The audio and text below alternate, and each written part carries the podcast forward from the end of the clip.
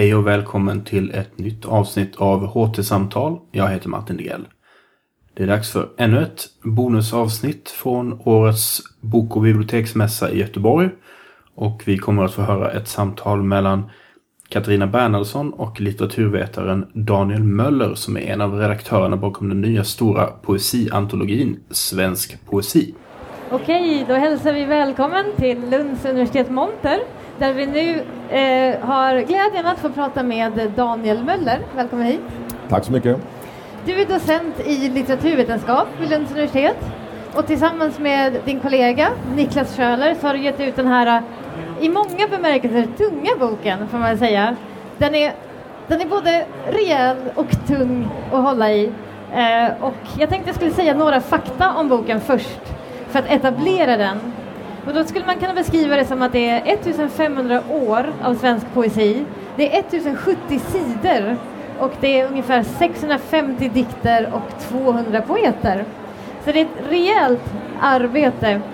Och en väldigt fin detalj tycker jag som läsare är att den har flera sådana här eh, bokmärken i ryggen som man kan använda så att man kan navigera bra eh, inom de här eh, 1070 sidorna. Och det är en väldigt vacker bok också. Och varje poet är representerad med en eller några dikter. Några av de äldre har betydligt fler. Så det blir som en sorts smörgåsbord. Särskilt de nyare poeterna så blir det en slags smakprov kan man säga.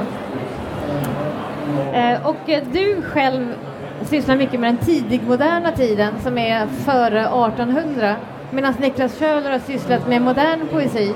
Så att ni kompletterar varandra väl, tänker jag mig, i det här arbetet. Det har vi gjort eh, och eh, det har eh, varit ett faktiskt friktionsfritt samarbete och vi har förstått varandra väl och kunnat bråka hjärtligt om, om enskilda eh, dikter och, och, och, författarskap och så. Så vi har, vi har varit en, rolig resa att göra. Och jag tror att det var har jag rätt i att det var 1967 som det senast gavs ut en ny antologi av den här äh, ambitionsnivån? Eller finns det någon senare? Det är nog då Lars Gustafssons Svensk dikt och sen har den kommit i lite olika upplagor och sådär. Precis. Men, Men äh, ja. Vad var er tanke här? Var det att det var dags att uppdatera för att det har gått så många år eller ville ni också göra någonting annat? En annan typ av antologi?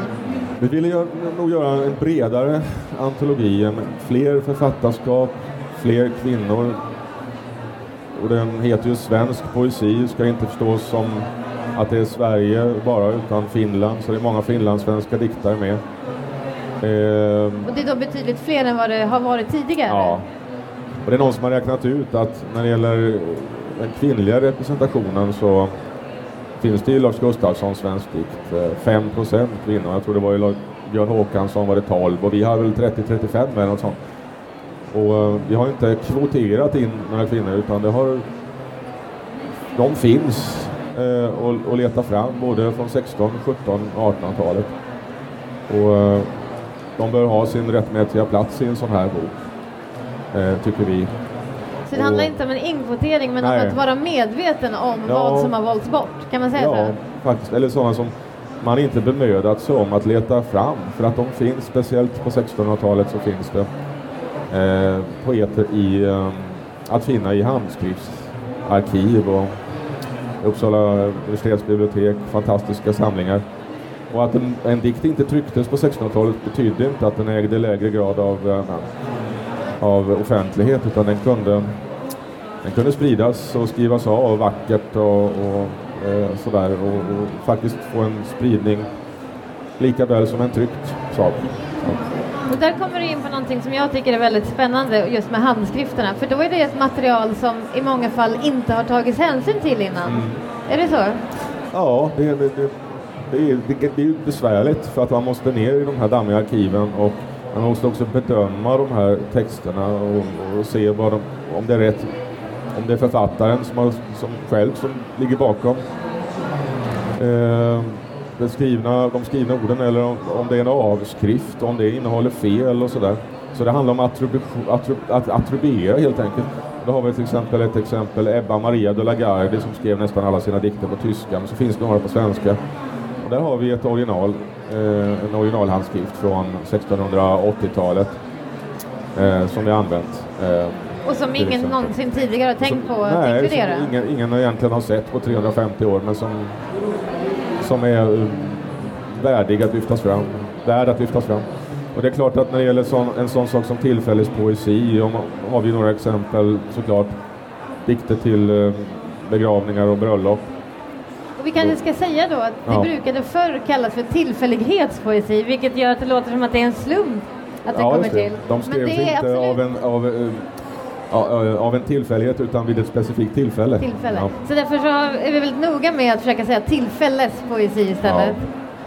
Och det är ju en genre som kanske inte har eh, fått så mycket uppmärksamhet alltid, men det är lite din specialitet. Jag har sysslat en del med det och då finns det såklart i andra sådana här tidigare antologier en hel del tillfällespoesi också. Men nu har vi kunnat lyfta fram några diktare som inte har varit kända innan eh, i de här sammanhangen. En kvinna som heter Greta Gedda till exempel.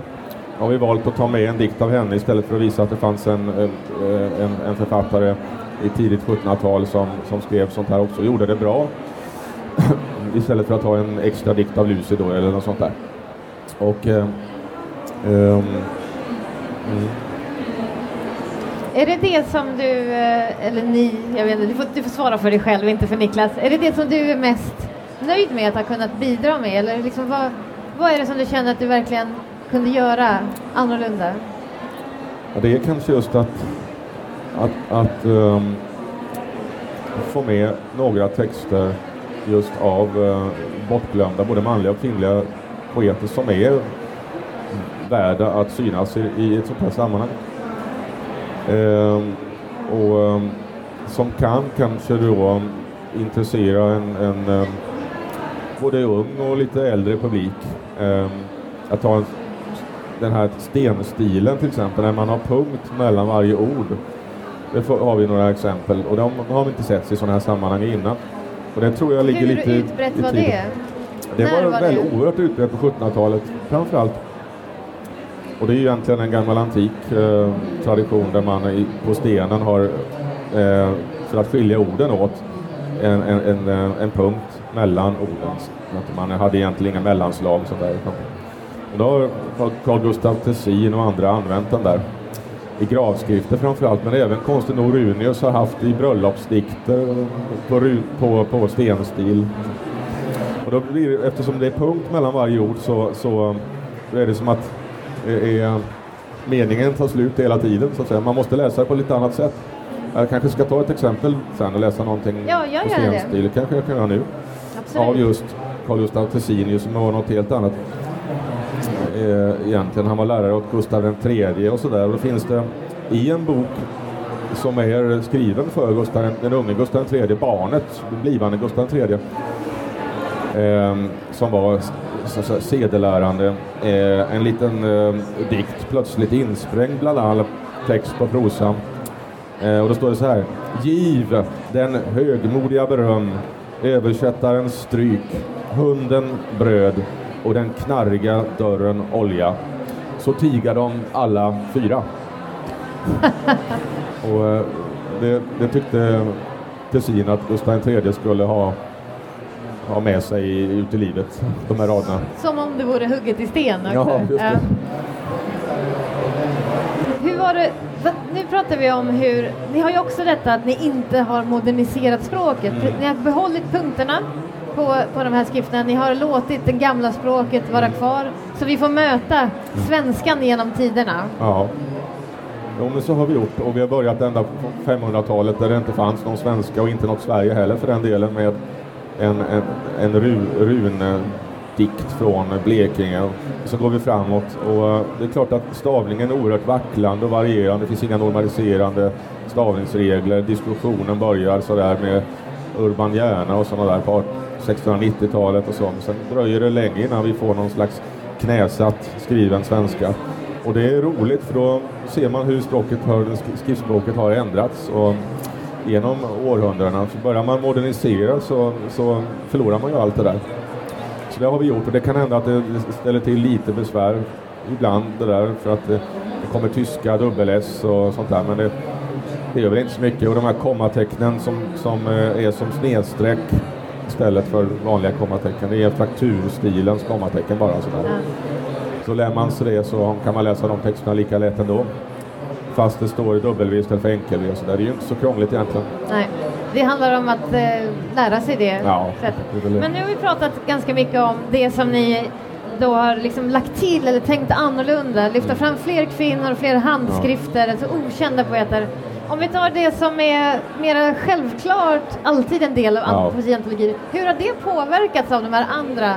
Det är klart att att det finns dikter som, som inte vi känner för, Niklas och jag, som personligen är så oerhört viktiga eller framstående, men som måste vara med eftersom de tillhör just en sån där oerhört eh, tydlig, tydligt eh, tillhör kanon på något vis. Eh, man kan nämna flera sådana dikter, jag ska inte göra det, men då måste man som svensklärare till exempel i, eh, i högstadiet, gymnasiet, hitta de här dikterna. För Man, man, om man inte gör det så tycker man inte att boken är användbar. Nej. Och, Och det måste- har ni verkligen haft som mål? Ja, det har vi också. Så man ska både känna igen sig i den här boken, men man ska ju också känna att det är någonting alldeles annorlunda än de tidigare antologierna. Så man ska, man ska också bli förvånad och, och, och kanske positivt överraskad över att hitta inslag som man inte hade väntat sig riktigt. Så att eh, det, vi har försökt att göra båda då. Man ska känna igen sig och man ska också bli eh, lite överraskad. Eh, inte av att hitta dikter som kanske inte förtjänar sin plats i sådant här sammanhang. Inte, inte så, utan, utan eh, spännande, intressanta dikter av, av kända författare som kanske ja, inte har eh, läst så ofta men som ändå är oerhört eh, angelägna och, och spännande. Ja. Eh, Det har ni verkligen lyckats med måste jag säga och det har man ju också märkt på hur boken har mottagits. Själv har jag ju redan gett bort den här i examenspresent till flera Mm. personer. Jag tycker det- är en perfekt present. Även om ni kanske tänker er att man borde ha den innan man tar examen så fungerar den också som, som present. Och den ska komma ut i storpocket och, och liksom, eh, det, sä- händer mycket om den. Den, den, den kanske ska det ja. Kanske, okej. ja men det tror jag nog. Ja. Men jag skulle vilja veta då om ni har fått någon annan typ av reaktioner, jag menar som inte är i tidningsspalterna, som inte är recensioner utan från lärare, från bibliotekarier, människor som använder den här typen av bok. Jag hörde om, det var någon kollega, en emeriterad professor, hon och hennes man eh, läser den här på kvällarna och eh, ägnar sig åt att försöka minnas dikterna också. Så de memorerar dikterna för varandra och så testar de varandra och ser om, om, om, om, de, om de minns rätt. Ja, det tycker jag är rätt festligt. Ja, för det är ju någonting som det här utan till lärandet som man hade i skolan förr eh, kanske inte bara var av ondo utan det är ju roligt faktiskt att kunna saker utan till också. Tränar väl hjärnan lite grann. Just att minnas saker.